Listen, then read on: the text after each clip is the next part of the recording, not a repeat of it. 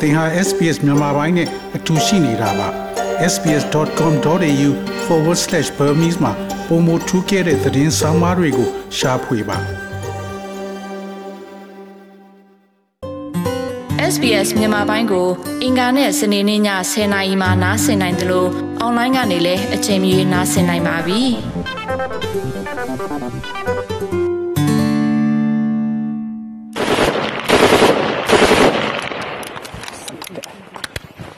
ရင်ပြည်နယ်တဲကနမ်းမေခုံကိုအာနာသိန်းစစ်ကောင်စီကလိတက်ကနေတိုက်ခိုက်တဲ့အတန်တွေပါ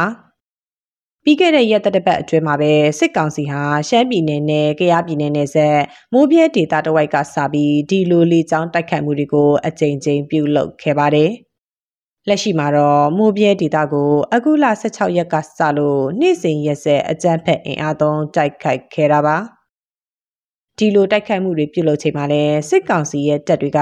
တင်ကားတွေလက်နက်ကြီးတွေနဲ့ပါဇက်တိုက်ပစ်ခတ်ခဲ့တာကြောင့်ပြည်သူ့ကာကွယ်ရေးတပ်ဖွဲ့ဝင်နေတာမက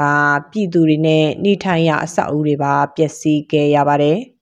ဒီလိုအများအပြားထိုးစစ်တွေကြောင့်ဒေသကာကွယ်ရေးတပ်တွေဟာသူတို့ထိန်းချုပ်ထားတဲ့နမ်းမယ်ခုံရွာကနေစုတ်ခွာခဲ့ရပါတယ်ဒီရွာဟာမိုးပြဲနဲ့9မိုင်အကွာမှာရှိနေတာပါ လက်ရှိကာလတိုက်ပွဲတွေနဲ့ပတ်သက်ပြီး KNDF နမ်းမယ်ခုံတပ်ရင်းရဲ့တက်ခွဲမှုဖြစ်သူကသူတို့တိုးလာပြီဆိုတော့လေရင်နဲ့တောက်လျှောက်လမ်းကိုကျူရှင်းထားတဲ့လက်နဲ့ကြီးနဲ့ပြစ်ကူလေကျွန်တော်တို့မှကြီးတောက်အောင်မကုန်တိုက်ပွဲဒီ16ရက်နေ့ကနေစပြီးတော့ဒီ22ရက်နေ့ထိကိုကျွန်တော်ကြီးက9000လားမသိအဲ့လောက်ပဲကုန်တယ်။ဘာကြောင့်လဲဆိုကျွန်တော်တို့မမြင်ရဘူးကျွန်တော်တို့မြင်ရရင်လည်းသူတို့ကကောင်းမဖော်ဘူးမြောင်းပါပဲအဲ့လိုမျိုးတိတ်ပြီးတော့ကိုအပေါ်ပြစ်တဲ့နေရာတို့ပေမဲ့ တိုက်ပွဲတအားနဲ့ပြင်းထန်တယ်ဆိုတာကလေယာဉ်နဲ့သုံးတယ်။စစတုန်းကဆိုလို့ရှိရင်လေယာဉ်ကညနေခင်းပဲလာတယ်။အခုဆိုမနက်ခင်းဆိုရင်တခေါက်ကြဲတယ်။နှစ်စီးနဲ့တခေါက်ကြဲတယ်။ပြီးလို့ရှိရင်ညနေခင်းထပ်ရောက်ရင်နောက်ထပ်တခေါက်ထပ်လာကြဲတယ်။ညနဲ့လည်းထပ်ကြဲတယ်။အဲဒီကြဲလည်းကြဲပြီးတော့အမြောက်တပ်ကနေလှမ်းထုကူတယ်။ကျနော်တို့ဒီလွိုင်ကော်မှာရှိတဲ့အမြောက်တပ်လှမ်းထုကူတယ်။ပြီးရင်ဒီဒီးမော့ဆိုမှာရှိတဲ့တပ်ကနေပြီးတော့လှမ်းထုကူတယ်။အဲလိုအနေအထားကြောင့်မို့ကျနော်တို့ဆုတ်ပေးလိုက်ရတယ်ပေါ့နော်။ ဘယ်လိုမှ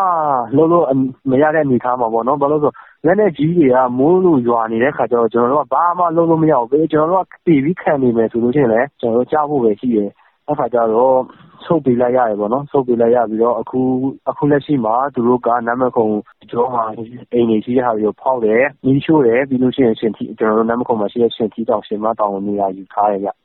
စစ်ကောင်စီဖိအားသုံးထိုးစစ်ဆင်ခဲ့တဲ့မိုးပြဲနမ်းမယ်ခုံဒေသအတွင်းကိုလက်နက်ကြီးအကြိမ်ကြီး450ထက်မနည်းပစ်ခတ်ခဲ့တယ်လို့ဒေသခံကာကွယ်ရေးတပ်တွေရဲ့ထုတ်ပြန်ချက်မှာဖော်ပြထားပါတယ်။24ကြိမ်ထက်မနည်းလေကြောင်းကနေတိုက်ခိုက်ခဲ့တာကြောင့်အဲ့ဒီဒေသအနီးတစ်ဝိုက်မှာရှိတဲ့ရွာ18ရာလောက်ကဒေသခံတွေစစ်ပေးရှောင်ခဲ့ရပါတယ်။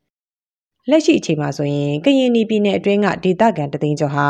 2021ခုနှစ်အတွင်းတိုက်ပွဲတွေစဖြစ်ကြတဲ့ကနေရက်ဆွခွာထွက်ပြေးတိတ်ရှောင်ခဲ့ရပါတယ်။တချို့ဒေသခံတွေကလည်းတိုက်ပွဲတွေမဖြစ်ပွားတဲ့အချိန်မှာနေအိမ်ကိုပြန်နိုင်မှုစူးစမ်းခဲ့ကြပါတယ်။ဒါပေမဲ့တိုက်ပွဲတွေတိုးလာတဲ့အချိန်ဒီမှာစိတ်ချလက်ချမနေနိုင်ဘူးလို့လွိုက်ကော်မျိုးကဆစ်ဆောင်ခဲ့ရသူအမျိုးသမီးတူကဆိုပါတယ်။ဒီမျိုးကမှခတောင်းကို လက်နက်ကြီးသံကတော့ ညီမတို့ ရောက်ပြီးကတည်းက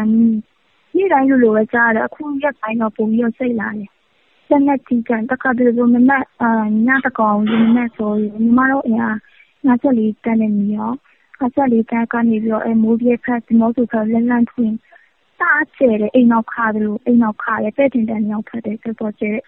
။စစ်ရှောင်ရတာ ပြောရမယ်ဆို တကယ်ဘယ်လိုပြောမလဲဒုက္ခရောက်တယ်ပေါ့နော်။ကိုယ့်အိမ် ကိုယ့်ယာလည်း မဟုတ်ဘူး။နောက်ပြီးတော့ သွားရေးလာရေးခါကျတော့ညီမတို့ဘက်ကထွက်မယ်ဆိုလည်းဆီဆိုင်လမ်းနဲ့ဖယ်ခုံလမ်းအဲ့နှစ်ခုလောက်ပဲအဆင်ပြေမှာလေ။အခုကလည်းအဲ့ဘက်ကလည်းစစ်တွေဖြစ်နေကြတာ။တကယ်လို့ပြန်ရှောင်ကြမယ်ဆိုလည်းညီမတို့အတွက်ထွက်ဖို့တော့နည်းနည်းတော့ခက်ခဲမယ်ထင်တယ်။စစ်အာဏာသိမ်းကာလအတွင်းမှာကရင်ပြည်နယ်ဟာတိုက်ပွဲတွေအများဆုံးဆက်တိုက်ဖြစ်ပွားခဲ့တဲ့ဒေသတစ်ခုဖြစ်ပါတယ်။ စစ်ကောင်စီရဲ့တပ်တွေကိုလည်းဒေသအများစုကနေတွန်းလှန်နိုင်ခဲ့သလိုပြည်내ရဲ့နေရာအတော်များများကိုလည်းဒေသကာကွယ်ရေးတပ်တွေကထိန်းချုပ်နိုင်ခဲ့ပါတယ်။2022ခုနှစ်ဇန်နဝါရီလဆန်းပိုင်းမှာတော့စစ်ကောင်စီဟာလွိုင်ကော်မြို့နယ်ကစလို့ထိုးစစ်တွေဆင်ခဲ့ပါတယ်။အဲ့ဒီနောက်ပိုင်းမှာတော့မိုးပြေနမ်းမေခုံဒီမော့ဆိုလွိုက်ကော်စတဲ့အာရှလမ်းမကြီးတစ်လျှောက်ကိုစစ်ကောင်စီဟာလွှမ်းမိုးဖို့ကြိုးစားခဲ့တာပါ လက်ရှိအချိန်မှာတော့စစ်ကောင်စီရဲ့အင်အားသုံးထိုးစစ်တွေကိုဒေသခံတပ်တွေခုခံနေရတာ10ရက်ကျော်ရှိခဲ့ပါပြီ။တိုက်ပွဲတိုင်းလိုလိုမှာအကြမ်းဖက်စစ်ကောင်စီဟာအင်အားကိုယာချီအသုံးပြုခဲ့တယ်လို့ကရင်နီအမျိုးသားကာကွယ်ရေးတပ်ဖွဲ့ဝင်တို့ကပြောပါတယ်။ကျွန်တော်တို့မိန်းလမ်းမရဲ့ဘယ်ဖက်ချောင်းကိုတောင်ကျောရှိရဗျာအဲတောင်ကျောကနေတတကြောင်ထိုးလာတယ်ပြီးလို့ရှိရင်ကျွန်တော်တို့မိန်းလမ်းမရဲ့ဒီညာအဲ ညာဖက်ချမ်းပေါ့နော် ညာဖက်တစ်ချမ်း ဘယ်ဖက်တစ်ချမ်းကို စစ်ကြောင်းတစ်ကြောင်းတစ်ကြောင်းစီ ထိုးတက်လာတယ် ပြီးမိန်းလမ်းမအတိုင်းမှာ တင့်ကားကို ကာပါယူပြီးတော့ တက်လာတယ်ပေါ့ အဲလိုပုံစံမျိုး တက်လာတယ်အာသူတို့မြင်အားမခန့်မှန်းချေဘယ်လောက်ရှိမလဲဆိုလို့ရှိရင်တို့ကြားတိထားရတဲ့လောက်ကတော့အာလက်ရှိအနေထားကတော့900နဲ့ အထက်မှာပဲရှိတယ်သူ့ပေမဲ့သူတို့ ကျွန်တော်ကြားထားရတဲ့တည်အရာကသူတို့ လူရအတစ်ထောင်သုံးတယ်လို့ ပြောတယ် ဒီဟာကို မရရအောင်ယူဖို့ သူတို့အာဘယ်လိုပြောသူတို့ရဲ့ အကြီးဆုံးတက်ကောင်ကတော့ သူတို့ကို အမိတ်ပေးထားတယ်လို့ ပြောတယ် မရရင် ပြန်လာပြန်မလာခဲ့နဲ့ ဆိုပြီးတော့ကျွန်တော်တို့ကိုအော်ဘယ်လိုပြောမလဲကျွန်တော်တင်ရထားတယ်ပေါ့နော် အဲ့လိုမျိုးတင်ရထားတယ် ဒီကောင်တွေကတော့ လိုချင်တာကတော့ဒီမိုးပြဲအာဘယ်လိုပြောမလဲအခုဆိုလို့ရှိရင်လိုက်ကောလိုက်ကောဒီမိုးဆို အာဆာအာဆာမြန်မာလမ်းမကြီးကို သူတို့တိမ့်မယ် ပြီးလို့ရှိရင် မိုးပြဲ ဒီမိုးဆိုရဲ့ဒီမိန်လမ်းမတစ်ချောင်းကို ယူမယ်အဲဘယ်လိုပြောမလဲလိုက်ကောကို သူတို့ ထိနိုင်ပြီဆိုတဲ့ ပုံစံမျိုး သူတို့ပြရှင်တာဗျာ အဲ့ဒါကြောင့်မို့ ဒီ ပြောမယ်ဆိုလို့ရှိရင် ဒီလမ်းတစ်လမ်းပဲ ကျန်တော့သူတို့ယူဖို့ဆိုတာသူတို့ဒီလမ်းဒီလမ်းဒီမိုးပြဲကနေဟုတ်ဒီမိုးဆိုထီကို သူတို့လိုချင်တဲ့ ပုံစံတော့ ရှိရပါတော့ကရင်နီပြည်နယ်မှာ အချို့ဒေသက စစ်ပေးရှောင်းတွေဟာ ပြီးခဲ့တဲ့နှစ် မေလကတည်းက အစစ်စစ်စစ်ပေးရှောင်းနေကြရတာပါ စစ်ပေးရှောင်းစာမှာလည်း ပြည်နယ်တွင်း မြို့ရာတွေကနေနှီးဆက်ရာကြောတဲ့အထိ ထွက်ပြေးနေထိုင်ခဲ့ရပါတယ် ဒီလို တိမ်းရှောင်ခဲ့ရချိန်မှာလည်း ကျန်းမာရေးပြဿနာတွေ စာဝတ်နေရေး အခက်အခဲတွေ ရှိလာခဲ့ပါတယ် ဆုံးရှုံးမှုများခဲ့တဲ့ COVID-19 တတိယလှိုင်းကိုလည်းကရင်နီဒေသခံတွေစစ်ပေးရှောင်နေရင်းနဲ့ပဲဖျက်ဆီးခဲ့ရပါတယ်။စစ်ရှောင်နေရင်းနဲ့ COVID-19 ကြောင့်အဖွားကိုဆုံးရှုံးခဲ့ရသလိုလက်ရှိအချိန်မှာလည်း COVID-19 မျိုးကွဲ Omicron ကူးစက်ခံထားရသူကရင်နီအမျိုးသမီးတူကဒီမောဆိုအနေဒီဟိုတော့ဖရောက်သွားတာဒီရွာကြီးဖက်ပေါ်နော်အဲ့ဖက်မှာအဲရောက်သွားပြီးတော့ပြီးတော့ ကြည့်ခရစေးဆိုမှတလားယူတယ်အဲ့တော့ဒီမောဆိုမှပြန်လာနေတည်ရဲ့နေပြီးတော့နောက်ထပ်အဲ့ဒီဒီဒီမှလာပြန်ဖြစ်တော့ပြန်ဖြစ်တော့ညီမတို့ကအဲတော့ဖက်ကိုထပ်ပြရှာရှာတော့အဲအဲ့ဒီတော့ဆမကျတော့တိတ်ဟိုပါဖြားနာလည်းပါဒီကျတော့စီဝါးတွေတိတ်အဆင်မပြေဘူးပြီးတော့လူလည်းတိတ်မခံနိုင်တော့လို့ဒီလကောမှာပြန်တက်နေရပါတော့မြို့ပေါ်မှာဘာမှမဖြစ်ဆိုပြတက်နေရအဲ့ဒါမြို့ပေါ်ရောက်တော့ဟို ထပ်ဖြစ်တော့ဖြစ်တော့ညီမတို့လည်းဒီတော့ဖက်ပြမပြေတော့ဒီတောင်ကြီးဖက်ပဲပြေးတက်လိုက်ရအောင်အဲ့မှာကျတော့အိမ်ငါနေရတော့လေအဲ့လိုတချို့ကအဲ့လိုမျိုးပါကိုစာချုပ်ချုပ်တာတော့ဟာဘောတလားနလားမရဘော6လတနေ့မျိုးပဲချုပ်ကြကြအဲ့လိုမျိုးနည်းနည်းအခက်ခဲဖြစ်တော့နော်ပြန်တော့ပြန်ချင်တော့ဒါပေမဲ့မပြန်မပြန်ရဲဘူးပဲပြောရမှာပေါ့ပြန်လဲအမခံချက်မရှိဘူး ကြာအောင်မထနဲ့ဒေသခံစစ်ပေးရှောင်တွေအများပြားရှိလာပေမဲ့လည်းစစ်ကောင်စီရဲ့ထိုးစစ်တွေကြောင့်တိုက်ပွဲတွေမရက်တန့်သေးပါဘူးပြီးခဲ့တဲ့10ရက်ကြာတိုက်ပွဲအတွင်းမှာဒေသခံကာကွယ်ရေးတပ်ဖွဲ့ဝင်20ဝန်းကျင်လောက်ကြာဆုံးခဲ့ရသလိုပြည်သူ10ဦးခန့်သေဆုံးခဲ့ရပါတယ်။ကြာဆုံးခဲ့ရသူတွေထဲမှာဒေသခံတွေကိုစေကူတပေးနေတဲ့ဆရာဝန်ကြီးအပါအဝင်စေကူတပ်သားတွေပါဝင်နေတာပါ။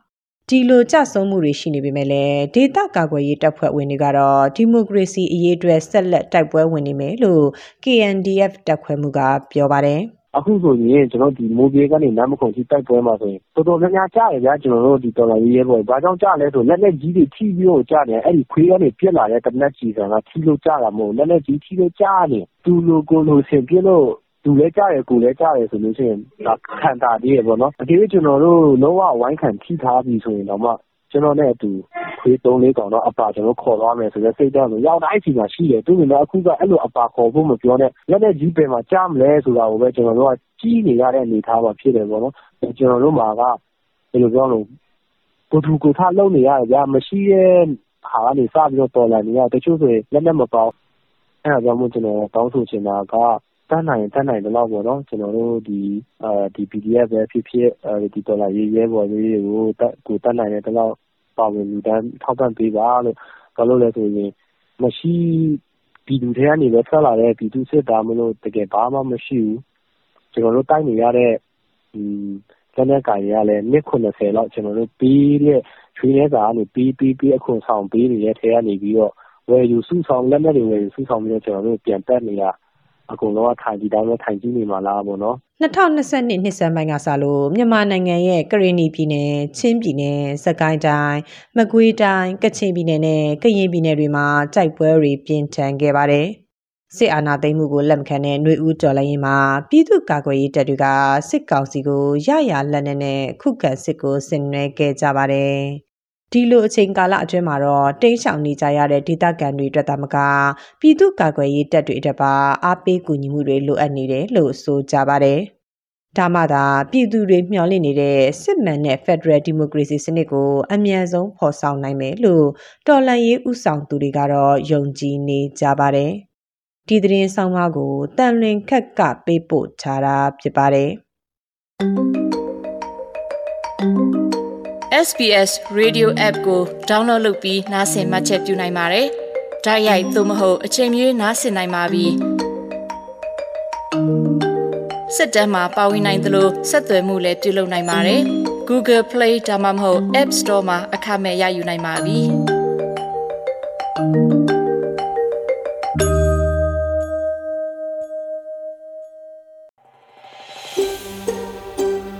ဒါမျိုးသတင်းဆောင်မတွေကို ပိုနားဆင်လိုပါလား Apple Podcast Google Podcast Spotify တို့မှာသင်ပင်ရာဖြစ်ဖြစ်ရယူတဲ့ podcast ကနေပါ